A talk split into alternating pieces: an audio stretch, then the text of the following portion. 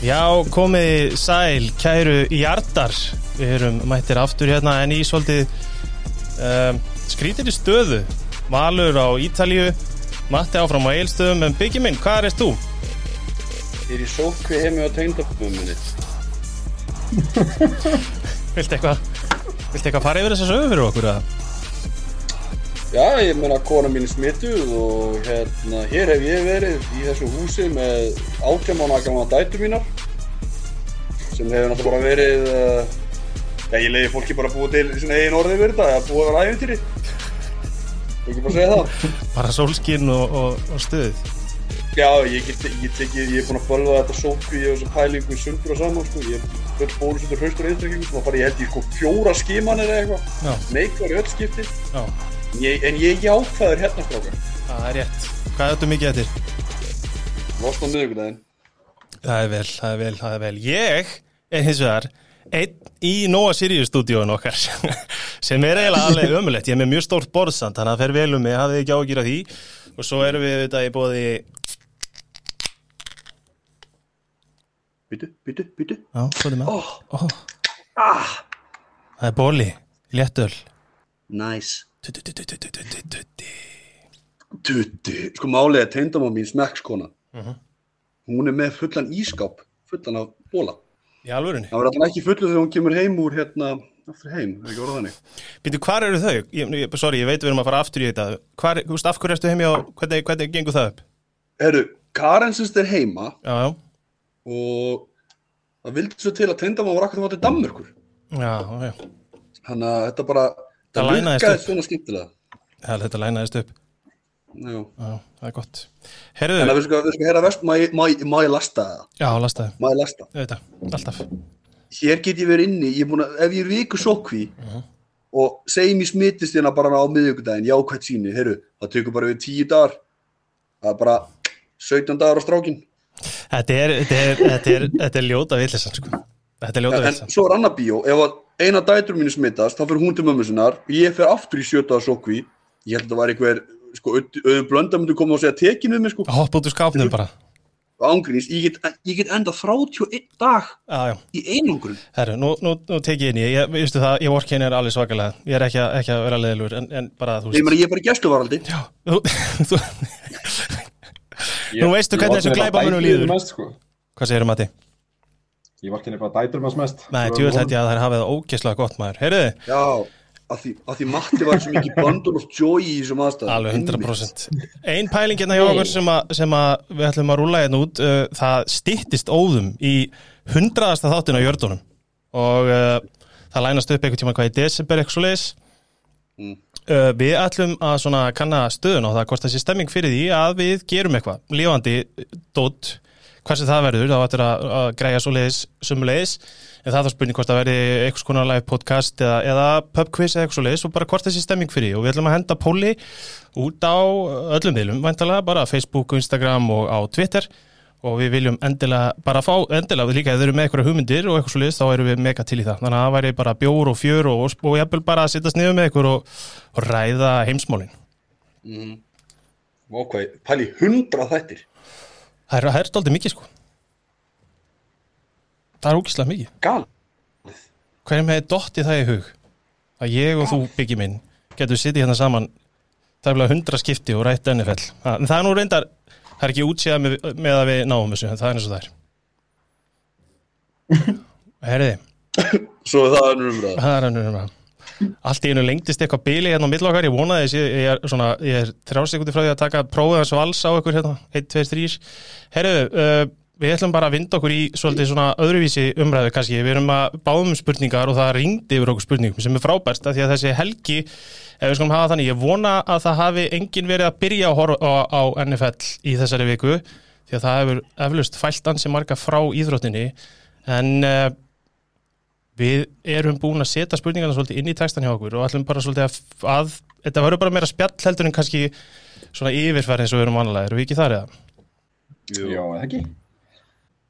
Ég er bara með eina ósk fyrir NFL-deildina það er að setja ekki svona sterk lið aftur all saman á bæviku. Þetta er, þetta er eiginlega ekki bóðlegt ég man nú ekki nákvæmlega að þetta var Chargers og ykkur haugur og Cow- Cowboys og þetta var allt og mikið af góðum liðum sem að fóruðu þessa helgina. En það gerist þá ekki aftur sem er mjög gott heyriði við uppum okkur í 50. leikin bara ótrúlega snögt af því að hann var ekkit eðlilega óspennandi Broncos 14, Browns 17 uh, ég ætla svona eiginlega að vippi þessu bara yfir á Tim, þú kannski fylgdist best með þessu af okkur öllum Já, ég var bara fáralega impressed með Stefanski og finnst hann eiginlega bara að vinna þennan leik fyrir þá, veist. Mattaði náttúrulega ógeðslega marga og það var svona hálf vangbróti lið sem hann mætti þarna leik.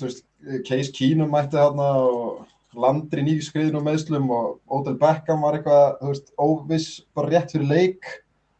Og ég var bara playkóla geggja. Kemur hann að Dearness Johnson út af hönd og Chubb báðir mittir og leit bara út eins og hann væri betur en þeir báðir á móti svona nokkuð ágættri vörð sem er reynda líka búin að lenda í sínum meðslum mm -hmm. og ég, einhvern veginn trúði ég ekki að þeir myndu vinna þó þeir voru miklu betri fyrir áleik þá einhvern veginn hafði ég ekki trúið að þeir myndu klára þetta en svo bara einhvern veginn helst þetta svona út leikin og það enda náttúrulega 17-14 mér fannst einhvern veginn eins og hann hefði átt að fara meira fyrir Browns. Einmitt. og ég bara ætla strax að vippa ég ætla ekki að gera þetta svona en ég ætla að því að ég náði í Dearnst Johnson í tveimu deildum þá var hann 20 vikunar hjá mér. Líka og ég ætla ekki að þetta tíunda þá sögunni sérstaklega en hún er helviti skemmtileg sagan á bakvið hvernig þessi gæi er að spila í dag þetta senda skilabóð öllu í ykkur annar deild og þetta er hann á að skilja held ég, 20 vikunar þetta var ekki vikan til að velja 20 vikunar þannig að Dearnst Johnson er okkar maður og Browns bara ég meina pínu möstvinn líka fyrir þá. Í rauninni að hýrða þennan sigur út Broncos alveg gjössanlega einhvern veginn í já, á mjög vondum stað. Sko, náttúrulega lukka fyrir Browns líka Case Keenum, náttúrulega Kortberg 2 hjá það með ástæðan, það hefur á að spila í Stefanski síðan hugmyndfræðinni hjá þeim á Vikings uh -huh. þegar hann kom þeim í play-offs þá þar. Já Veist, Case, veist, hann kemur inn, starta beigjum með fylgdæmt ekki með, þannig á fína leik Keenum, það sem er, það er alltaf Já, Svona, veist, hann, gerði, hann gerði það sem hann þurfti að gera. Veist, hann var tilbúinn og mætti bara reddi Já, bara 100% sammálaðir. En eina spurningu bara hérna Hvar, hvað er hvað er Odell Beckham í dag?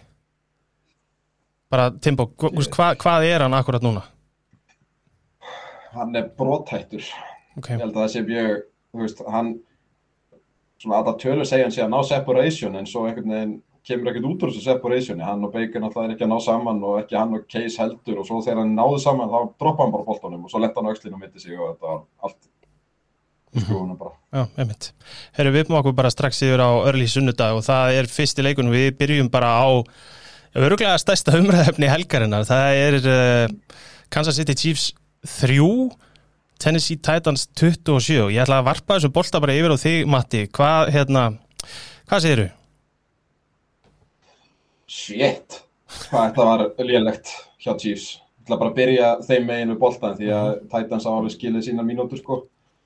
En guð minn góður hvað Chiefs er eitthvað, þú veist, ég veit ekki, ég var eitthvað svona að sjá einhverja svona tölfræð á bakvið að þú veist, ekkert liðir að ná jafn oft first down og þeir bara í sög NFL, bara eitthvað svona gali dæmi sko. Uh -huh. En það er bara geta ekki hægt að gera mistök, þú veist við sjáum hann að Pat Mahomes, hann er hvað, hæstur í interception og svo er hann að fömbla með því líka bara, þetta er eins og Carson Wentz upp á sitt besta sko Já. og þú veist, ég veit ekki alveg hvaðan þetta kemur því að þú veist, út af því að þetta lukkar þú veist, svo mikið eins og eins og Albert Einstein sæði sko insanity is when you try the same thing over and over again expecting different results. Þú veist, þeir verðast engan veginn vera aðlagast í sem er að gerast í kringu þá. Nei, og maður Holmes bara reynir og reynir og reynir og veistu, ég held að hann sé bara að reyna of mikið bakvið í þetta ólæn og þetta endar bara í einhverju algjörðu þvælu sko. Byggi Hvernig googlaði Matti þess að Einstein kvóti Ég er með sálfræði gráðu sko. Ég veit smá Insanity calls for try Þú veist, dreftu mikið en að já, jú, þetta er góð þetta er þetta spot on hjá Matti Já, já, 100% sko. Ef þú getur bætt Einstein inn í þessi þegar þú hefur rétt fyrir þér þá, þá átt að gera það sko. Ég er alveg þar. Já, En þetta var líka mjög en, hva, Sorry, hvað segir Byggi?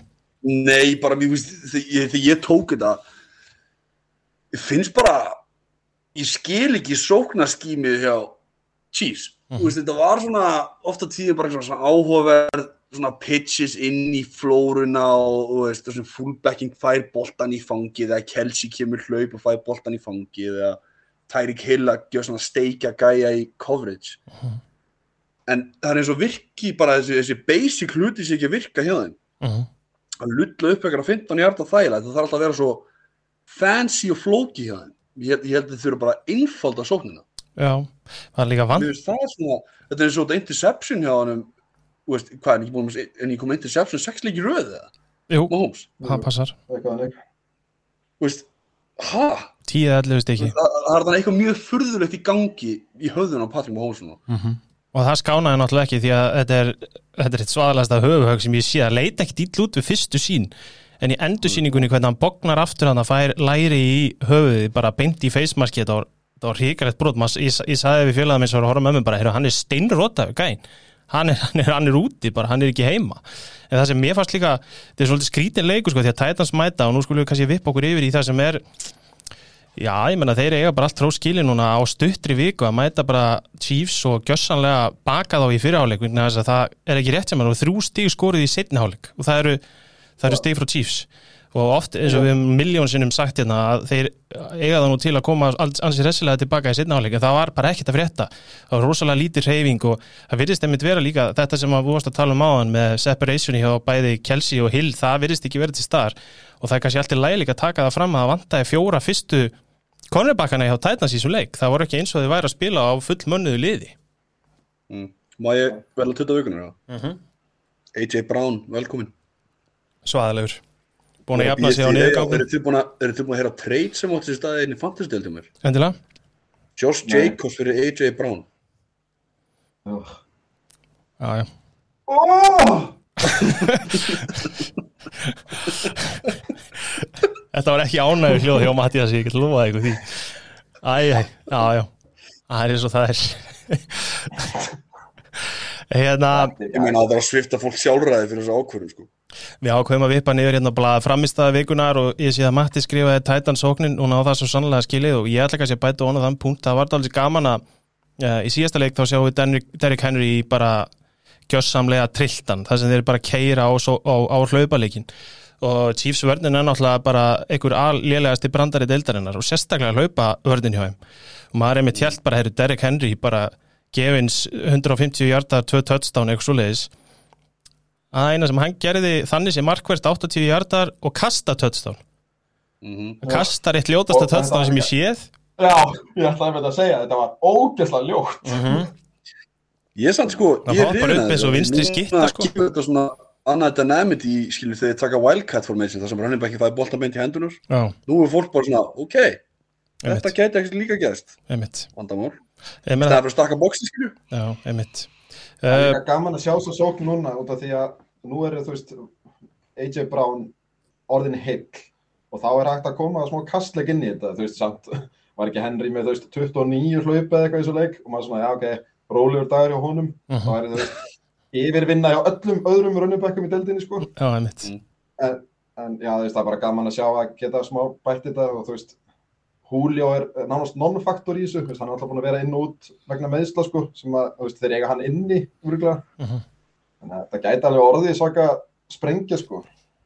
þetta er líka bara svona lokapunkturinn kannski á þennan leik er að það er mjög fróðulegt að það að sé ekki nema hvað eru þrýr leikir síðan að Titans tapaði í, í overtime á móti Jets sem er leikandi sennilega hvað annað slakasta liði deildarinnar ef, ef ekki bara slakasta liði deildarinnar. Þannig að þetta er, þetta er ótrúlega viðsnúningur hjá þeim og það virðist einmitt vera eins og þeir séu kannski uh, að ná að imprinta breytingarnar sem þeir gerðu í haust nei, í, í sumar inn í liðið sitt og þeir séu svona kannski í þessum stíganda sem maður sér ofta á þessum tímupunkt í deildinni sem er bara frábært fyrir þá. Erum við uppum okkur yfir í uh, til Packers. Það er Washington 10 Packers 24 ég var bara ég, mér langar ekki endilega að að ég hafi verið endilega mjög impressed að Packers en uh, það var svona góðu sigur hjá þeim vegna þess að Washington held ég að hafa séð með fleiri hjarta Hæniki er með eitthvað að tæpa 100 hlaupa hjarta en það eina sem þeir gátt einhvern veginn gert var að kasta til McLaurin og svo þurfti Hæniki basically að hlaupa þá áfram það- restina af þessu dóti því að Antonio Gibson komst einhvern veginn ekkert stað. Og vörnir og Pakkes Valur er búin að tala um þetta að svona, það er búið að vera að brasa á þeim þó þess að þeir séu búin að svona aðla meðslalega en þeir eru búin að spila helviti vel.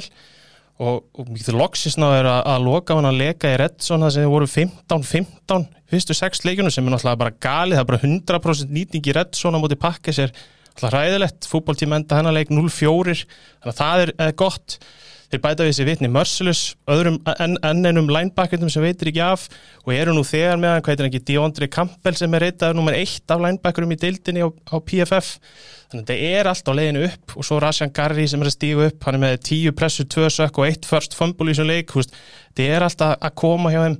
Og ég er bara Þetta eru frábæra fréttir fyrir Pakkes, Preston Smith er meittur, Alexander er meittur, King er meittur, það eru rosalega meðisli aðna og það, ef einhver hefði sagt mér að allir þessi leikmenn varu meittir þá hefði ég haldið að Pakkes væru miklu nær 3-3 heldur en að vera 6-1 eins og þeir eru í dag sko. Sveg. Já, Gam- ég, hef ekki, ég bara, Til. Nei, engu við þetta bæta, frábært, þá held ég bara áfram. En Nei, ok, eitt í meitt punktina. já, Antonio Gibson, já, vill maður ekki meira frá Antonio Gibson eða? Með hvað búið að hæpa hann upp eða? Það er bara ég. Jú, hann er svo hrikalega eitthvað sko þeir nota, þú veist, þeir þurfa að elda svo mikið og þeir virðast ekki vilja að nota hann á þördan því þá kemur hann með Kissek inn á þannig að hann er einhvern veginn alltaf skímaður út úr leiknum því að þeir eru sí eldandi Mm. og sem að ég bjóst ekki við því að gæna sko vætri síver turned running back þú veist, hann var vætri síver bara meira hlutan á collegeferlinu sínum þannig að maður hefði þú veist, ef þetta skildi gera sko en ég bara, nei, ég sk- skildi ekki og Mhm. svo vildi ég bara bæta í Washington megin að ég held að þessi hæniki bladra ef hún var einhvern tímann til sé sprungin það er svoleiðis. Mér fannst að þetta allt í Já, lagi í svo veist, sko. þetta, þetta er endzone interception sem hann átti var örgulega bara top 5 versta kast ársins Það er alveg þetta að rétt. svo, þú veist, þetta var ömulegt sko, vætri síðan að sátti ekki sjens, bara Mhm. ekki neitt sko, ég bara, þú veist Mhm. það var byrjað tímum byrjað á Washington bara. Algjörlega. Og svona bara, ég ætla aðeins að mér finnst með sóknarleikinu á Pakkes og mér fannst svolítið gaman að því að uh, það eina sem hefur svona gengið þokkalega hjá fútbóltími í vördinni hefur verið að loka á, á hlaupaleikin þannig að Pakkes tók sér til og hlaupu basically nýju sinnum í öllum leiknum. Svo var bara Rodgers að kasta stutt hann var bara, hann, hann, targetaði nýju menn veist, hann að dreifa boltanum hrikalega vel og þeir herja bara á þá veikapunkti sem er sko þessi coverage vörn hjá Washington er náttúrulega bara eitt stór feitu brandari, hann er hræðilegt. En það sem mér finnst bara svona loka punktur í næstu leikinni á Pakkist það á eftir að þú veist, mér finnst þeir á mjög góðum stað og þeir, veist, þessi byrjunum tímbilin er mjög mikilvæga því að næst kemur Karts á stuttu, stuttri viku Chiefs á útivelli, Seahawks heima þar sem Wilson gæti verið komin aftur Vikings úti og Rams heima. Þetta er eru að þannig að það er gott að vera með góðan buffer á þessum tímum punkti Sammála. Það er fréttina núna eftir. Ég ætla að, já, wow, ég veist ég, var með þess að bara eiginlega að reyna að gleyma henni, sko. Núndi Adams með COVID. Sko, Nei, hann, ja, Nei, COVID-listanum. er hann það, er það tíu dagar? gæti sloppið sko Mm. En ef hann sleppur ekki, hvort byggur upp Alan Lazard eða Scantling? Sko, ég myndi bara segja 100% þú átt bara að pikka upp Lazard hvort heldur sem er, sko. Hann er helvitis vopn þessi gæi, hann er ríkalega skemmtilegu leikmaður og, og Rodgers er hrifun á honum, hann er alltaf að fara að grípa ykkur að 35 bolta fyrir ykkur 50-60 jördum og hann elskar ekkert meira en að gefa Bobby og Lazard eitt touchdown svona bara með heim í bókanum. Þannig að Lazard er bara óháð því, þá er hann bara helviti fínt pick-up, sko, en, en, en Adams er þú veist, hann er meiri, þú veist, hann er einna bestu vætri sem deildarinnar, ef ekki bara svo besti akkurat núna. En þú veist, hann er, hann er meira þess að koma mér óvart. Hann er, hann er búin að eiga alveg hryllilega gott tíumbil þannig að, þú veist, þetta verður sárt ef hann er ekki með. Herru, næsti, næsti leikur er Bengals 41 Ravens 17 Mhm. og ég ætla að vippa þessu bara í sótkvína hvað, hérna? Eh, Fín. Erum við að sjá bara hversu slög Chargers laupavörnin er eða hvað er að gerast hérna? Nei, þetta er náttúrulega allt, við byggum svolítið allir við þessu eða ekki? 100%? Það er hérna, Bengals myndu, já, bara vinna Ravens, eðlulega. Uh, sko, það sem ég tek út úr þessu er ég byrja að kaupa þetta hjá Val. þetta Burrow chase dæmi yfir, yfir Mahomes og Hill. Þetta, hérna, það er bara allt unum flóra yfir þessi lið, þessu Bengals lið. Og svo, ég ætla bara, þeir eru búin að sokka mig, væga sagt. 100% sko það virkar bara eins og svona ég nefndi þetta einhvern daginn þú veist, það er svona sjálfströstið í þessu liði er bara bústað um 15% Mhm. allir Mhm. og hann er ekkert eins og það sé einhverjir einhverjir juicy bitar í þessari vörn Nei. Þú ég meina geti nefnt eitt fyrir þetta Bates sem er hérna í vörninu hjá Bengals eða? Ég hata þegar þú gerir eitthvað svona Hvað segirðu? Getur Hérna, hvað heitir hann Henderson sem kom frá Saints? Hendriksson, Trey, Já, var það ekki? Kom hann ekki? Áttum tvo Von Bell Já, er ekki Eli Apple hann það? Ég hef að lesa þetta daginn. hérna, En aftur á móti skilur þetta kemur það bara Burrow líka bara þegar er undir pressu þá bara eins og hann taki hárrættar ákvarðanir og ég meina Chase sko ég vorum að tala um að implementa aumingi í vikuna sko, ég veit ekki hvað þið gerum að það er þetta heldur ekki skemmtilegt Jó, við, erum að því, þú, Chase. þú ert búin að velja. Ég- Já, hann stikti Marlon Humphrey sko endalust í þessu leik. Já. Ég skal bara lesa skal lesa þetta fyrir ykkur. Sjö target, fimm greipni boltar fyrir 165 jördum og touchdowni það sem Marlon Humphrey er í coverage á hann Mm. og annar, annar stats að því að við elskum stats hérna. Uh, 754 receiving yards á Jamar Chase er það mesta í fyrstu sjö leikjum hjá leikmanni í deildinni í sögu NFL-deildarinnar sem er very impressive. Og ég skal segja það sama uh, nú er maður farin að sjá af hverju Burrow kalla eftir Chase. Þeir náttúrulega spiluðu saman í, í college og þú veist, næsti gæi og eftir Chase hjá Bengals er með 500 jördum minna í receiving yards sko. hann er bara að targeta Chase og Chase er alltaf opinn, þetta er rosalegt. En úst, líka það sem ég finnst líka leiðilegt ég er mikið Tyler Boyd maður. Hann er, Tyler Boyd er droppable í dag í fantasy sko, veist, hann bara hann fær ekki targets. Og ef að úst, Higgins er out sem er white receiver 2 liði, úst, Boyd er white receiver 3 Mhm. þannig að og svo er CJ og Soma tætin þeirra. Allt í núna bara geggjaður. Tvö rosaleg touchdown í ánum í þessu leik. Já, og sjátt át á hérna, National Titan Day. Ég hef auðvitað glimt að opna því á. Heldur betur, núna. Öllum mikið að gleði, ég fagnaði því mikið. Já. hérna, með rúta bóla í, mér í finnst, bara, einu mér finnst bara þetta bengasli geggjað nú því. Og það, er bara spúkniklið í ár, ég vil bara segja Fengur spurningu. Bengals er ásnemt að ætla að þeir berjist við Ravens um AFC North. Og nú skulum við hafa það á hreinu að við vorum að tala um að gætu þrjú lið farið upp úr þessu í play-offs og Bengals var ekki eitt af þeim. Nei, það er rétt. En sko, ég held bara til að svara þessa spurningu þá held ég að sé eiginlega seint að tala það. Bara eins og AFC er að, er að hérna, spilast þá held ég að séu sko ef við mútum powerranka AFC bara eitt upp niður í svona tíu Mhm, þá gætir við bara stokkað því upp viku eftir viku og það myndi alltaf meika sens mhm. og Bengals er alveg þar með Ravens til dæmis þú veist, það er einhvern veginn ekkert besta lið í AFC nema kannski Bills en restin er bara einhver mauk af liðum sko sem að veist, við bara eftir, já, eftir viku eftir að breyta um skoðum sko. Mhm. og Bengals bara í mjög vinnabúl prógrami framundan, Jets, Browns, Raiders Steelers, Chargers, 49ers Broncos, ég menna það þú veist, í vestafalli er þetta 2-3 tapleikir og þeir eru bara þeir eru á blúsandi siglingu, það getur verið 8-9 sigurleiki og 8-3-4 leiki eftir sko þetta er eiginlega styrlað sko hendur við svo vannmátt eða? Nei, ég ætla að henda svo gæði í alvörinni, mér finnst þið bara, ég sagði þetta að þetta mér eru ógæslega, eru miklu betur þjálfaðir einhvern veginn en ég hefði, en ég hefði nokk tímann trúað. Þannig, þú veist, af því, af því líka þeir eiga, Vörnir er svo góð. Já, vörnina er að spila alveg hryllilega vel og meðan að hún ætlar að spila svona og pluss það sko segjum að chase þetta eins niður, þá er eins og þú segir þeir eru samt með Boyd og Higgins. Það er ekki eins og hann sé eitt skilur Boyd og Higgins mjög frambærilega vætri sífura sem hann getur alveg targeta til að losa chase sem hann þarf á því að halda sko en þetta er Og, og við erum, erum búin að minnast á sko Mixon þannig að bakið alla sko. fyrir utan það, Mhm. hann er eiga mjög fínt tíumbil, hann er ekki tekur. 5 í, í, í, back, í running back yards eftir á þessu tíumbil, ég held það. Jú, hann er 50, á meiri segja sko talandi um, talandi um Mixon, það er ekki eins og sem Maggi Píræn sé, þú veist, hann er að eiga leik til lífsins líka sko, þetta er mjög skemmtilegt. Þannig að Erum við, erum við sem að sjá Zach Taylor ég ætla ekki að segja Taylor heitir hann. Genius ég ætla ekki að segja það.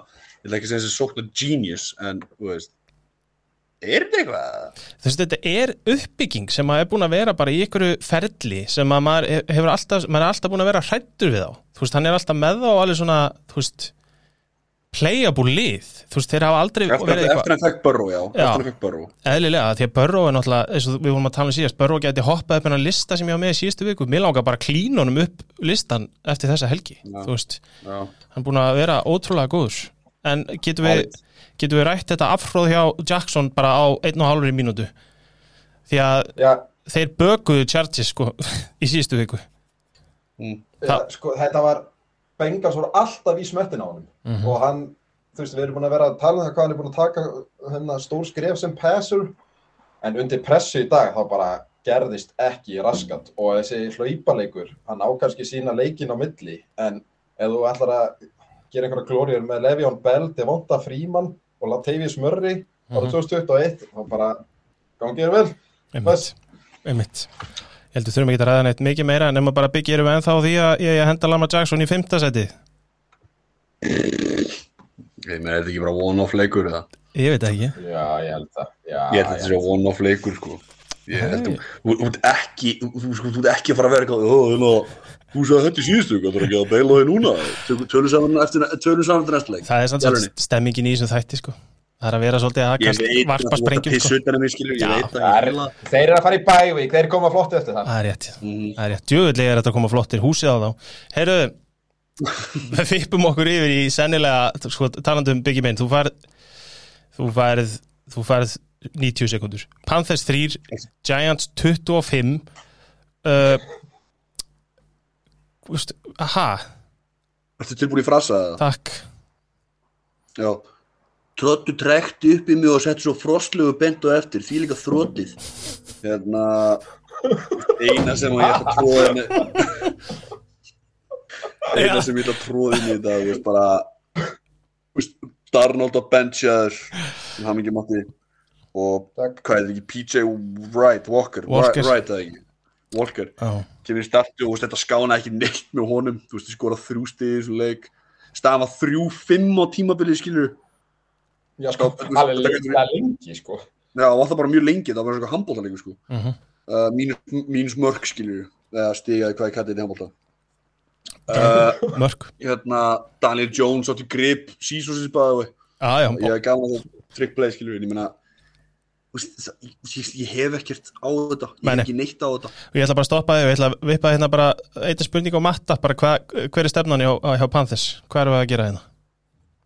Ég bara veit það ekki. Nei. Það var eiginlega, ég setti þessa spurningu hann inn, Já, út af því að ég veit ekkert, maður held þetta væri svona svaka rebuild dæmi og svo borgaði nú alveg slatta fyrir Darnold. Mhm. Og svo gengur þeim vel í byrjun og treyta til sín Gilmore og hérna CJ Henderson og þeir lenda í cornerback vandræðin og eins og þeir sé að Detti win ná og það var fyrir tæpu mánuði síðan. Og núna er þetta bara allt hrunið niður sko að maður veit ekkert hvað þeir standa sko. Og svo er þeir vist í Deshaun Watson pælingunni líka með Eagles og, og Dolphins þannig að ég, eins og sé, ég veit ekkert hvert þeir ætla og hvað eru að pæla þetta árið sko. Ég held að við prjónum svolítið yfir sig eftir fyrsta mánuðin. Ég ætla að nýta þetta sem bara segvi yfir í næsta leik, þú nefndi Deshaun Watson og við ætlum að vipa okkur í Falcons 30 28 fyrir Dolphins og uh, það stendur eiginlega ekkit hérna nema bara við fengum urmjöla spurningum eðlilega og þetta er ekkit bara á því byggi. Það eru nokkri punktar hérna sem við þurfum að lenda á. Það er í fyrsta lagi bara uh, Watson dæmið, finnst okkur bara allt í lægi að og, eh, sko, nú ætlum ég bara að stoppa þetta, ég ætla ekki eins og að spyrja þessu. Við erum búin að ræða hérna margóft og okkur finnst þetta ekki í lægi þú veist, þetta er ekki í lægi að margkærður uh, nýðingur sé possibly að fara fyrir eitthvað þrjú first round picks og jafnvel eitthvað eitt quarterback í eitthvað tveggja eða þryggja tíma treytum, þú veist, við erum búin að ræða þetta mjög mörgum sinnum, það er óþara að lenda á því en þetta er samt í umræðinni og þetta fór alveg bara svakalega á stað. Þetta fór það mikið á stað í síðustu viku. Að Matti kallaði eftir því að við mættum í stúdíu til að taka upp bara til að ræða þetta þá. Þannig að hér eru við komnir. Í fyrsta lagi, Dolphins, bara hvað, hvað er að frétta? Og í öðru lagi er, svo veist þetta er svo asnari spurning, er lausnin Deshaun Watson fyrir ykkur? nei, nei, sko byrjum á því að segja bara nei það strax. Uh, þetta túa er svarið punktur. Uh, sko er það ef að Miami fer í þetta trade og taka Watson þá er það því að Chris Greer og, og Big Flo er að bjarga starfinu sínu, þeir Mhm. hugsa það þannig þeir eru ekki að hugsa, þetta er það besta fyrir franchise, þetta er það besta fyrir mig til þess að halda starfinu mínu Mhm. ég vil fá eitthvað svona ég meina, ok, Deshaun Watson sem leikmaður er frábær leikmaður við vitum það allir, það þarf ekki að fara nánundi það, en það er ógíslu karakter og sex offender skiljur, punktur Mhm. uh, sko, Tua var mjög góður í þessum leik mínus þessi tvö interception sko. Uh -huh. Þú veist, hann, hann, hann var alveg on his game veist, og í, í sko setna skiptið, eða fyrir ekki, í endzone, hérna, red zone, nei, fyrir ekki, ugh, í endzone-unu, það sem interceptionu kemur, hann er að tróða boltanum hann, ég veit það, en ég með það wide receiverinn, þetta er ekki hann, sko, þetta er á Tua, ég ég gefi það, hann var góður í þessu leik, ég ætla að segja, Tua var mjög góður í þessu leik og, og organizationið og, og, og play calling og þjálfarinn er ekkert að gera hann greið á neitt hátt með play calling og fyrir, það virðist verið eins og fyr- fyrsta dræfið, þessi bara geggja hjá Miami, svo bara skipta henni ykkur gýr Mhm. bara herri þetta var flott okkur, prófum hérna plan B og stikkum plan B. Og vörnin er bara að spila vel undir getur Savian Howard í, hann að syns ekki nenni þessu tímbili hann virðist svo hann sé bara að vera tilbúin að fara. En Watson er ekki lausnin sko. Nei. Þetta er þetta, eins og ég sagði síðast þetta rýpildið er bara búið að klúrast uh, og það verðist bara að þurfa að stokka upp í þessu sko. Þjálfarlega séð. Þú, þú, ú, þjálfaralega séð. Nei, veist, þú, ég, þá er ég meina bara allur pakkin sko. Já, ég að er um þetta endar þessu stokkeringar á, á offensive coordinators. Já maður maður stila orðina í strax hérna, því að þú sagðir á hann að þetta væri mögulega Chris Greer og, og Big Flo að, er þetta ekki eigandinn? Þú veist, er þetta sko, Nei, það, það er það, sko, býtur þetta að segja að það hafi ekkert með eigendan að gera. Ok, því að Chris Greer er hann að björga þú veist, ok, segjum, þú ert með draft capital og þú ert með fullt af capspace á næsta ári. Mhm. ef starfið þetta er á línunni og gæði eins og Watson er laus sem einhver laust innan gæðslafa eða eitthvað sem ég mögulega til að fylla upp stoppa við eitthvað gati og, og sökkvandi skipi myndir ekki taka það? Uh, jú Sko, ef allt hitt væri ekki með 100% hvað sér um Matti? Þú veist, eins, ég var eitthvað að lesa mér til um þetta og þú veist, ef maður horfir að þetta þú veist, algjörlega frá íþróttinni og þú veist, liðunum og, og þess áttar, ekki siðferðislega partinum, þá er staðan þannig að, þú veist, hann er ekki í banni. Hann ætti að vera mögulega í banni en ég held sko að NFL ætla ekkert að setja hann í bann því að Houston eru tæknilega að segja með hann í banni. Þú veist, þetta er basically það sama sko, þú veist, fyrir NFL og hann er ekki þetta, þetta felony eitthvað er ekki ennþá komið þannig að NFL er held ég ekki að fara að gera eitt fyrir það kemur. Og við hugsaum þetta þannig þá samkvæmt samkvæmt stöðunni hún er, er frá NFL lega séð sko, þá má hann spila hvenær sem er og þá verður þetta treyta honum til sín þannig að veist, eins heimskulegt að er að segja þá gæti hann alveg verið lausnin sko og ef í vestafalliði þá situr hann úti þetta ár og kemur inn í liða næsta ári sem treytar hann til sín sko. Mhm. Nei, En ég veist, meina, og ok. fyrir þenn- En þetta er náttúrulega sko sjúkur sens að taka, þú veist, ef hann er dæmdur þá ertu bara með þrjú first round og tvö second round í fangelsi næstu fimm árin eða eitthvað. Já, en eins og segir, ástangur NFL er ekki setja á listana því að Houston sér með hann í banni en þannig ef að Miami tekur hann og lætur hann spila þá er hann ekki lengur í banni á því liði okkur myndi þá NFL ekki stíga inn Já, veist, ég, held að, ég held nefnilega að þeir myndu mögulega að gera það sko, þú veist, það er, einmitt, þú veist, við erum búin að vera að sko ræða, þetta poppar upp svona tekja vegna fresti að Miami og Texans séu bara þvílitt að spjalla og svo einhvern veginn kóðnar það í vikur og svo kemur þetta aftur upp, þannig að Já, annar er- november er, smokescreen Ég- annar, annar november er trade deadline og þá er þetta annarkort búið eða frosið þannig til einhvern veginn næsta ári. Ég neita að trúa því að NFL-deildin hleypi þessu treyti í gegn ef að þeir ætla síðan að grípa inn í eftir á. Það, það væri algjört feila hálfu NFL-deildarinnar. Það er bara, þú veist, það er svakalegt. Falcons megin bara eldsnögt, Matt Ryan, bara allt í lagi í þessu leik, þú veist, og þeir vinna þetta á last second field goal. Það var ágætið spenna í lokin, það var, það var bara, það var þrælfýtt leikur svona með við þessi tvö lið og ég meina Dolphins náttúrulega Það er leiðilegt að segja, ég meina þeir eru 1-6 og ekki með sitt first round pick, þú veist, við erum búin að tíunda þetta áður, þú veist, þeir, þeir verða að fara að vinna leiki, þeir get ekki sendt þetta pick til Eagles, það er bara ekki hægt. Og, og Falcons einhvern veginn kannski mestu vonbreiðin eru að þeir verðast vera á nákvæmlega sama stað nema þeir unnu þennan leik, eitthvað sem þeir hefðu sennilega tapað í fyrra. Og það er, þú veist það er eitthvað smá uppgangur í þessu. En Já, ég vil bara taka tutta, minn tutta vikunar og tight end vikunar á National Tyrant Day, Kyle Pitts, mm því líkur okkin gaur. já, skepna.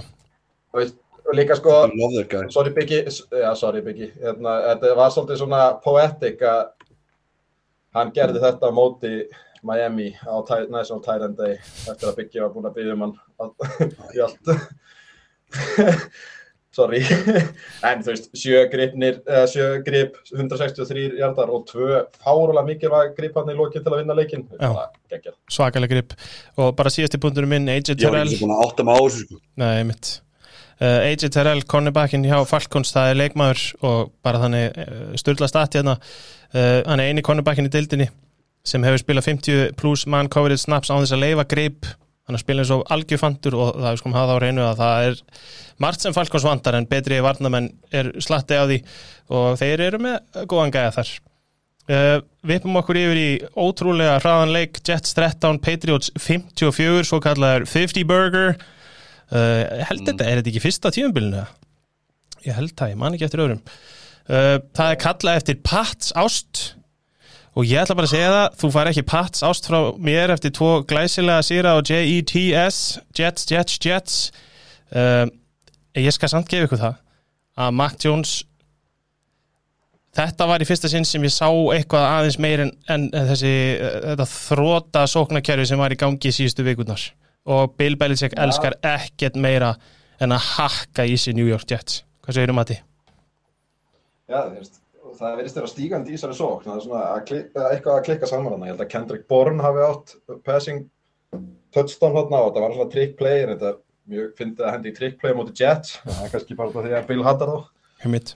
Ég held að þú þurfið þess ekkert sko, Jets voru ömulegir og svo mittist náttúrulega hérna Zach Wilson, veist, það var eitthvað PCL meðsli sem, að, þú veist, hvað er hann í burti, einhverja fjóra fyrir vikur. Já. Þannig að bara hræðilegt tímabil, hræðilegt lið hjá Jets, þú veist, bara og ég veit ekki, ég veit ekki hvar ég hef Patriots, er það ekki bara svona alvöru average lið, gætu smóið inn í vælkart eða eru hefnir?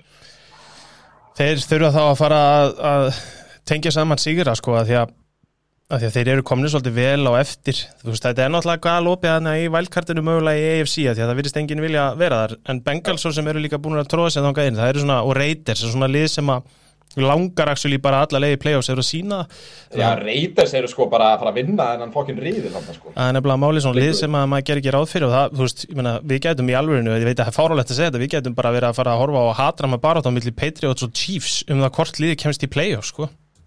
Mhm. Sem En er, sko Patriots eru nærði núna, þeir eru nýjunda sít á móti ellefta sít Chiefs sko. jeps, þannig að þetta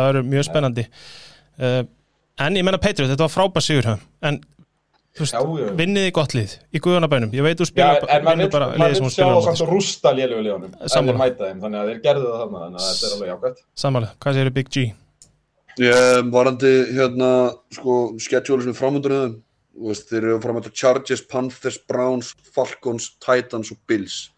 Þannig að þessu er mjög að Þannig að þetta er make or- make or break 100% Mánuður. fullt af, Þeir getur enda 5-8 Já. Skiljið Einmitt. Þetta verður mjög fróðlegt. Og eh, síðasti punkturinn minn við verðum að gera kröfu á eitt hérna bæðið með Panthers og með Jets. Það er að vera með einhvern, sko, aðeins í kringum miðlungs quarterback á bakvið strákana sína. Því að sko Mike White er ekki NFL quarterback fyrir fimmkall sá getur ekki raskat. Þetta er í fyrsta sinn sem maður kemur varakortubæk inn á, ég hef aldrei heyrst um hann. Þetta var hræðilegt. Við náttúrulega heldum allir að flakka væri þarna ennþá sko Ég, já, ég held að þetta var eitthvað joke Ég bara, þetta er ha? Ég þurfti að doppelchecka sko, svo fattaði ég bara, já, hvað er að frétta af þessum gaur? hræðilegt Þetta var maður Heyriði, Eagles 22, Raiders 33, byrjum á setni gluggarum. Mattias, hvað segiru? Ég, ég er að vera skotnar og skotnar í reytir sko. Uh -huh. Þeir, þú veist, ég ætlaði nú ekki að segja þetta sé, því að þakka að grútin sé farin, en ég bjóst ekki við því að þeir yrðu bara, myndu stíga svona svakalega upp eftir að hann færi sko. Þú veist, ég man ekki svona hvað coachin þeirra heitir, en hann verðist vera að gera svaka hluti sko og, og þú veist, hann verðist ekki vera háver í fjölumilum eða neitt sko, þannig að hann er bara einhvern veginn, þetta gengur bara þetta batteri og, og það er þetta drullaði við grútin fyrir margt, en hann verðist að hafa náða að byggja ákveðis lið fyrir þetta sísón, mm þetta er, þeir eru bara, ég ætli þið sé ekki svona mest komplít liðið í AFC West akkurat þessa stundina. Veist, vörnin er að spila ágætlega, sóknin er að hérna, ná saman, veist, þeir eru að gera þetta án Darren Waller, þannig að þetta eru bara, all, veist, allir þessi gaurar sem er svona, eru í bestafalli ágættir, en Já, það er eitthvað að ganga upp þarna og ég, þú veist, Derek Carr er bara að spila drullu vel. Mhm. Ég meina, Derek Carr er bara hvað, þú veist, hann er að spila eins og top 5 quarterback í alvörinni hann er að spila eins og algjör kongur og svo dettur Jacobs út hann í bara, hvað í öðru leikluta eitthvað meiðist, þá er það með Kenyan Drake sem er bara þokkalega frambærilegu gæi, ekkert vesen. Og, og þú veist ég mitt, hann heitir Rich Bisaccia gaurið sem tók við þannig special teams coachin og þú veist, það virðist vera einmitt svona eins og þú veist, jú, Grútin er búin að byggja upp gott lið og það var samt mjög brotætt að missa headcoachin sin, en gæin virðist líka hafa bara stíð inni og létta eins bara, þú veist, stemminguna. Þú veist, það er ekki, ekki, ekki þoka þarna skilur og þú veist þetta er bara hörkulið og ég meina bara, þú veist Casey Hayward, Nate Hobbs, tveira bestu kornubökkunum í deildinni í ár, bara drullu góðir og þetta reytislið er hellings uh, já, það er bara hellingur í því. Hvað sér byggja? Þú veist, þeir missa líka grúten líka, ég er ekki bara að missa grúten það skilur eftir sig þannig séð eins og væri flestir liðið myndum að halda alveg fjadrafók, allt í fokki meina hann er með því líkar yfirlýsingar fyrir fleiri ánum síðan sem hann er bara drullið við allt og alla og er bara racist cunt skilur Mhm. þú veist, þannig að Þannig að veist, þetta, þetta var alveg svona, þetta var alveg svona, var, þú hefði getað- þetta hefði getið verið púðutunna og eldspýta sko, sem hefði verið að, og allt sprungi upp hana. 100% Þannig að ég er sammála, ég, ég, finnst- ég, þetta, þetta reytislega er að koma frábæl undan þessu vandamáli Mhm. og second, Darren Waller var ekki með í þessu leik. já, uh, Matti tók það fram á það munar um minna sko. einmitt uh, eldsnögt hinn mig- já, hvað séru? Æ, ég bara ætla að að taka eitt punkt um Eagles, það eina sem að mér varst áhugavert við það að fyrir fantasy-eigendur sem að eiga Jalen Hurts, ef að leikinnir eru bara, væri bara þrýr fyrstu korturarnir, þá væri hann quarterback 15 í stigum, en ef það bara er fjórðuleikluti, þá er hann quarterback 1, Hvað er því svo gæð? sem að er, það er fáránlegt, að hann endar alltaf í 25 stigum, en byrja samt fjórðuleikluta bara í einhverjum 8. einmitt Þetta er langbesti garbage time quarterbackin, punktur. Langbesti. Þetta er- Munið eftir Blake Bortles og Allen Robinson, hann að fyrsta sísónu hans Blake Bortles eða eitthvað. Þetta er svona nákvæmlega svipað dæmi, sko. Nákvæmlega svipað dæmi saðan En já, íslenska, Já, bara, bara, eitt punktur. Já. Uh, Miles Sanders alltaf mittur. Já. Kenneth. Gainwell. hvað særu? þú dast út Kenneth Gainwell, running back 2. ok síðasti punkturinn minn Eagles eru ömurlegir uh, Lions 19 Rams 28 Birgi minn, hvað segiru? Þetta var, þetta var Dan Campbell special Football guy. Football guy. Ég fucking elska hann gæja. Mhm. Þú veist. Onside kicks, fake punch, I don't give a shit mentality sko. Mhm. Og ég googlaði uh, huge balls, bolas enormes. Það er minn maður. og ég segja þér eitt helviti gott hérna, félagi minn, Diddi vinnu minn hann var að horfa á þetta með mér og því miður, eins og ég nefndi á hann þá var hann að koma í fyrsta sinn í, í vetur og horfa hjá mér á NFL og þetta var helgin sem að valdi, blessaði drengurinn en einhvern ótrúlegan hátt var þetta eini leikurinn sem var eitthvað varið að horfa á á tímapunkti og skipti af Redson yfir á Lions Rams af því að þar var the shit í gangi, þetta var rosalegt Þú veist, lí- líka bara, við glemdum að nefna þú veist, þetta var náttúrulega Matt Stafford, Jared Goff, skiptingin, skiljum Akkurat. Þannig að það var alveg fullt að bakvið þennan, þennan leik, sko. já, já, Stafford hefði viljað koka Lions og, og Goff hefði viljað svona, svona sanna fyrir Ramsa að þetta var vitlis ákvörðun og bla bla bla bla bla. uh En ég meðan Jared Goff hendi sitt akademiska interception og klúður í redzónuru og bara Matt Stafford á kekkja í þessu leik. já, Ég sé bara ekki hvernig, mér finnst, Hey, voru, voru við ekki að tala um daginn, skilur eitthvað að það geti komið vesen, eða eitthvað nefnd um daginn, að geti komið vesen eftir að eitthvað, eftir eitthvað nákvæm tíma veist, í sókninu að geti Stafford byrjað að eða bara quarterback í rauninni, Mhm. byrjað að lulla eða vera verri, sko, mér finnst hann bara ekki að vera að hæja á sér. Og hann og þetta Cooper, ég er búin að segja þetta áður. Matt Stafford og þetta Cooper Cup combo. Holy shit. Mhm. Cooper Cup, veist, þetta var, mér fannst hann ógæðslega góður fyrir þetta sísón þetta er bara þetta er bara up their wide receiver sko. maður kom það með er bara ótrúið hvað hann gerir. Hann er svakalugur og einmitt, veist, hann er bara hann og, hann, hann og Devante Adams er bara, þeir eru hann bara bestu vætri síður þetta er fantasílega síðan á þessu að svakalega ég held að ég er ekki með statsin fyrir frammi en það sem, að- eitt með hann að leikina sko, total yards, vinna Lions, passing yards uh, þokkalega nálægt, rushing yards vinna Lions, yards per play, vinna Lions. Lions eru með tvö fake punt með fake kickoff og samt tekst þeim að tapa þessu leik. Veist, ef þetta, ef þetta hefði verið eitthvað legit liði í þessari deild á móti Rams sem hefði náð öllu þessu að vera svona mikið, þú veist, ég ætla ekki að segja betri en að gera svona bara ljómandi fína hluti þá hefði stúta Rams á þessum degi vegna þess að Rams fannst mér mæta svolítið værukærir inn í hennar leik. Ég meina, þú veist Rams voru á tímabili með besta special teams þjálfur í deildinni sem hefði aldrei leift þetta, þetta hefði aldrei gerst með langatið sem er hjá, hjá Cowboys núna, ég man ekki hvað hann heitir. Þannig að þetta var, þetta var mjög skrítin leikur og mjög svona það, var bara drullu skemmtilegur hann að fyrstu þrjá leiklutina, en svo er bara eitthvað svo akademist við það að uh, Jared Goff hann bara, hann, þú veist, það, þetta er á honum þú veist, það er interception í lokin. Það er þetta, hann getur aldrei loka dræfum hann skilar engum touchdownum hann einu viti, þú veist þegar að, þú veist, þegar að skiptir einhverju máli. Og ef hann væri ekki með svona skýtsæmilega hlaupaleik fyrir utan DeAndre Swift sem er náttúrulega bara weapon í þessari deild þá væri, þú veist, Lions bara brandarinn í deildinni, sko. Til hann ekki allir sem með DeAndre Swift því líka fokkin leikmaður. Hann er bara wide receiver 2 running back 1 í þessu liði 100% það er bara besta greiningin á hann Anna líka, sem ég ætla að koma inn á. Þú veist, veist alveg verið vænukærir svo er líka bara sjokki sem þau eruð fyrir þegar bæði onside kickið og fake puntið já, voru algjörlega, bara þeir voru algjörlega off þetta voru ekki þeirra dagur. Nei, nei, unnu skilju, þeir urðu að, að vinna leikin skilju alltaf, en þú sást bara það var ekki þeirra dagur og bara svipurinn á McVay eftir þetta fake punt, það eins og hann væri bara svona, bara svona ok, hvað er að gerast? Mm -hmm. af því að út, af þessum kom fyrir með onside kicki sem er bæðið og aftur galið. Já. bara, þú veist, galið þannig að við hendi onside kick, Dan Campbell. Þú veist, ég ég er all in á þessum Dan Campbell vagnir sko. All in, bara ég bara, ég bara líklega komið ból með mynda hann ég er þá með myndina fyrir því, það er engu á Google. En hérna látum þetta að vera að loka orðin. Við uppum okkur yfir í uh, Bears 3 Tampa Bay Buccaneers 38 uh, því líka sko, þú veist, mér langar ekki að segja endilega statement sigur, en því líki sko, uh, vefjum inn í bacon, berum á barbíkjusósu og reyðum fram bersmenn sem að voru svona varnarlega séð allavega á uppleið en því líkt grínmaður Új maður. Khalil Herbert flottur 100 leikur Þú veist hvað ég að segja? Þú veist, Þú átti ekki að vera að tala, sko, ég skal bara grípa þetta þér. Uh, muni í, í hérna, off-seasonu, þegar Justin Fields fór í viðtal og sagði að, NFL-leikir, þeir, þú veist, hraðir, nei, nei, they, they're, they're just, this is just slow to me, skilur.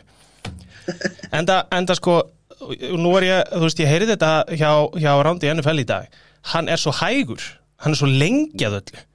Þú veist, hann, hann, pressan sko- er á leiðin í andidánum, hann sér hana, en hann er samt lengi að losa sig við boltan og hann er bara hakkaður í hvert einasta skipti. hann, hann, hann líka tekur svona, svona hafnarbolta hlæðslu í sig köst. Jeps. Þú veist, hún, þetta tekur svo langan tíma bara frá því að hann tekur ákvörðu þá er boltin er farin úr höndunum á hann og þú veist ég, ég veit það ekki. Það er náttúrulega búið að vera að drulla yfir Nagi, þú veist hvað kom í ljósa, hann vissi ekki hvaða hvort, veist, að takkulinn hans væri átt fyrir en bara þegar hann lappaði inn á völlin og, og svo fekk hann eitt interception því hann held að það væri free play út af því að voru, hún var sagt að það væri ómargir inn á vellinum. Þú veist, ég meina veist, ég veit ekki alveg hvað Nagi er að pæla hvort að, þú veist, ég er farin ángis að halda kenningin að hann er sé að sína okkur að, að hérna, uh, Fields sé ekki tilbúin bara veist, ég veit það ekki, ég veit það bara það, þeir virðast ekki einhvern veginn vera saman í liði Nei.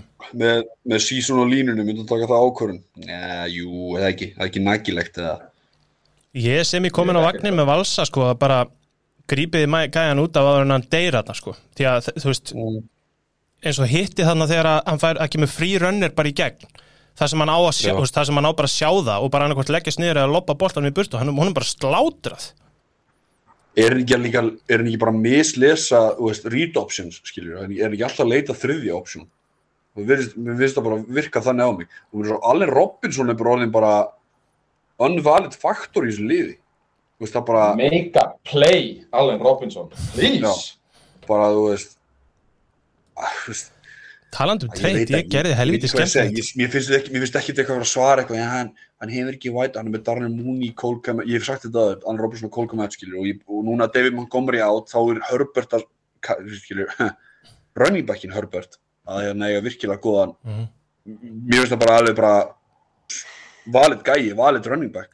Ég er mjög glæður að pekka um í fantasy báðu það en en aftur, þetta var bara breyti 600 touchdowns og allt það og mér finnst ekki, mér finnst að Buxley bara vera eins og að vera. Ég, ég er ekki ég hef ekkert, veist, ég er ekki, ég er ekkert eitthvað sjokki ekkert eitthvað bara, vá, vá, vel gert Bucks. Mér finnst það bara það var ekkert annað í stöðunni fyrir Nei. mér ekki þetta lið Einmitt. Og ég valdi tutta vikuna fyrir val. Það er Bucks vörnin. Uh, Fjögur sökk, þrjú interception Þrjú forced fumbles Og leifa ekki touchdown í þessum leik. Og fyrir vikið þá vann Óli Dós mig í fantasy Hellitis kvikindi Mörður. Þólikjan Óla Dós, illa þreyttu gæði Sem betur fyrir að hlusta hann ekki. Geggjaður í fantasy. Ógjörslega góður í fantasy. Hann, hann, hann þurfti ekki að vera með í fyrstu sex umfyrir með draftur Hann er samt að steikja okkur alla sko. Fvílít þreyttu gæði Hann er með Kirk Cousins í annar auðvitað sko. Herru, lokapunkturinn. Brady 600. touchdowni Þannig að það er búið að taka þetta fyrir held ég allstar og, og, og hérna Við þurfum kannski ekki að fara yfir þetta neitt sérstaklega en það er þetta með söguna með boltan já, Það er bara maður sem að já, alvörunni tapaði 500 sko, nei, hvað? 500.000 dólarum? 500.000 já, sko, Já. ég, ég, ég datti í svona pínu kanninuhólu með þetta mál. Það var einhver lögfræðingur að tjá sig um þetta og það var út af því að það var að drulla yfir Bucks fyrir að taka hann boltan, við gáðum hann 1000 dólar innegn inn í, inn í hérna, liðabúðinni og, og breyti alltaf að gefa hann hjálm og búning og eitthvað. En veist, í staðin fyrir sko bolta sem færi á uppbóði á 500.000 dólara sagði einhver svona uppbóð síða heyrðu, ef hann hefði neitað að gefa boltan frá sér þá hefðu Bucks geta hendt honum út af vellinu en hann hefði geta haldið boltanum. Og þetta er eitthvað, sko, þetta er eitthvað svaka svona dæmi með boltan út af því að þú veist hvert lið fær bara 24 bolta og þetta er eitthvað, þú veist boltadrama sem er greinlega í gangi baka tjöldin er miklu meira en maður heldur. Þetta var kannuhólu sem þú ætlar ekki að draga okkur og nývinur Um hafa það alveg á hreinu. Hættur í þetta Ég- maður. Ég ætla það er áralegt dæmi sko. Ég, það steikja spurning. að þetta. Ef þið hefðu verið þessi gæi fengið boltan í hendunar hefðu þið hend bara í samningavirðaðurina og Já. hvað þið- þið- bara þið borgir lánið á húsinu mínu bless. You're paying my mortgage, bitch. Það er bara þannig. Já, já, ég kaupi það Allavega ekki þúsund, þú veist, það var einmitt, ég man ekki hvað ég heyrið það, en þú veist, hvað gæðin að gera við þúsund dollara í Tampa Bay búðinni, þú veist, hvað getur þú keift marga búninga? fucking umulegt Hann er alla- hann er- umulegt hann er búinn að redda jólagjöfunum. mið á Subway. Og 20 gæðan á Subway. Hann er svo að fá þúsund miða á söpbi byggi, sko, það er, það er ga- galið, sko. Æ, æ, hann á það bara allt, hann, hann fær örugglega- hann fær að hitta breyti og svona þetta er auðvitað gæða fyrir hann já, já, örgulega. Svo er bara, þú veist, svo er hann bara team play, skilur, það er Dreftu vikið Næsti leikur, Texans 5, Cardinals 31 uh, Ég hafa með þennan og uh, ég með eitt punkt um hennar leik. Svo ætla ég ekki að segja neitt meira nema bara við ætlum aðeins að ræða Cardinals. Uh, Sackvers, fyrsti leikmann í sögu NFL til þess að grípa touchdown í back-to-back leikjum en fyrir tvö mismunandi lið. Skemmtilegt. Það er skemmtilegt og hann er skal alveg viðkjanna það að þetta gæti fyrir mér verið treyt leiktíðarinnar inn á miðjutímubili vegna þess að Sackvörts leit út eins og Sackvörts leit út hjá Eagles þegar Sackvörts var upp á sitt besta. Þannig ég segja það eins og ofta ég Góður. mjögulega get. Sá er góður maður. góður. og þetta rát hann sem hann hljóp fyrir touchdowninu var bara Sackvörts special. Þetta var bara eins og við vorum að horfa á þegar hann var upp á sitt besta með Eagles fyrir mér. Mér finnst hann léttur. Mér finnst hann léttur umrætt lið en sem er á móti veist, hver endar leik með fimm stíg einmitt. Ég myndi, eins og ég sá hann Twitter segja, ég myndi frekar enda með þrjú stíg Mhm. meika meira sens þannig að, en hérna Skóri ekki enn var að tala um að Sa- Zach Ertz var mikið að skoða víst, hérna, töfluna, að sjá hvernig Eagles leikunum var. Og það hann var alltaf hágrátandi þarna eftir að hann var treyta að vera að fara frá Eagles og eitthvað þannig að hann er hátt í metum hjá manni núna, þú veist, maður vissi ekki að hann væri svona nettur. Hann er nettur hann nettur Tutti svona smá punktur hérna en sko, þessi spurning komin og hún á rétt á sér. En hún ætti svo mikið meira rétt á sér ef þeir hefði ekki verið að rústa Texans. Þannig að ég ætla að spyrja ykkur veist, eru Cardinals the real deal? Ég ætla bara að segja pass af því að ég hef séð á uh, kóðuna niður og mér finnst þetta ekki verið leikurinn þar sem ég ætla að fara að grípa Cardinals á lofti og segja þeir séu going to the Super Bowl, skilur við En hvað er real deal skilju, er það Super Bowl eða er það title contenders þá er ég að tala um skilju þeir eru ekki stíla sér fyrra þeir eru betri en Steelers í fyrra. Já, já, já, já. En, það, en þú veist, þeir koma inn í þessa viku sem þriðja liðið í DVOA sko, þannig að tölfræðin segja að þeir séu real Mhm. og, og mér, þú veist, og þessi off-season moves sem þeir gerðu, þú veist, AJ Green og JJ Watt og þetta er eitt dæmi, þú veist, þetta er bara að virka núna og þú veist, ég, ég held að þeir séu alveg legit þangað til að þeir faceplanta einhvers staðar en ég sé ekki betur en þeir séu bara flottir. Sammála. Uh, Faceplant eitthvað staðar uh, Það er þá Packers næst því að svo eiga er 49ers, Panthers Seahawks, Bears Rams og Lions Já, það alltaf að nóta ekki verið til að faceplanta alvöru. Það er sko, það er því Nóa lélegum að liðin til að er móti, sko. í, í sko hrossa mikið þá að því að það væri svo aðlegt Herruðu, Sunday night Colts 30, 49ers átján Hvernig leikur landið á eigilstöðum varðandi Kyle Shanahan Mattias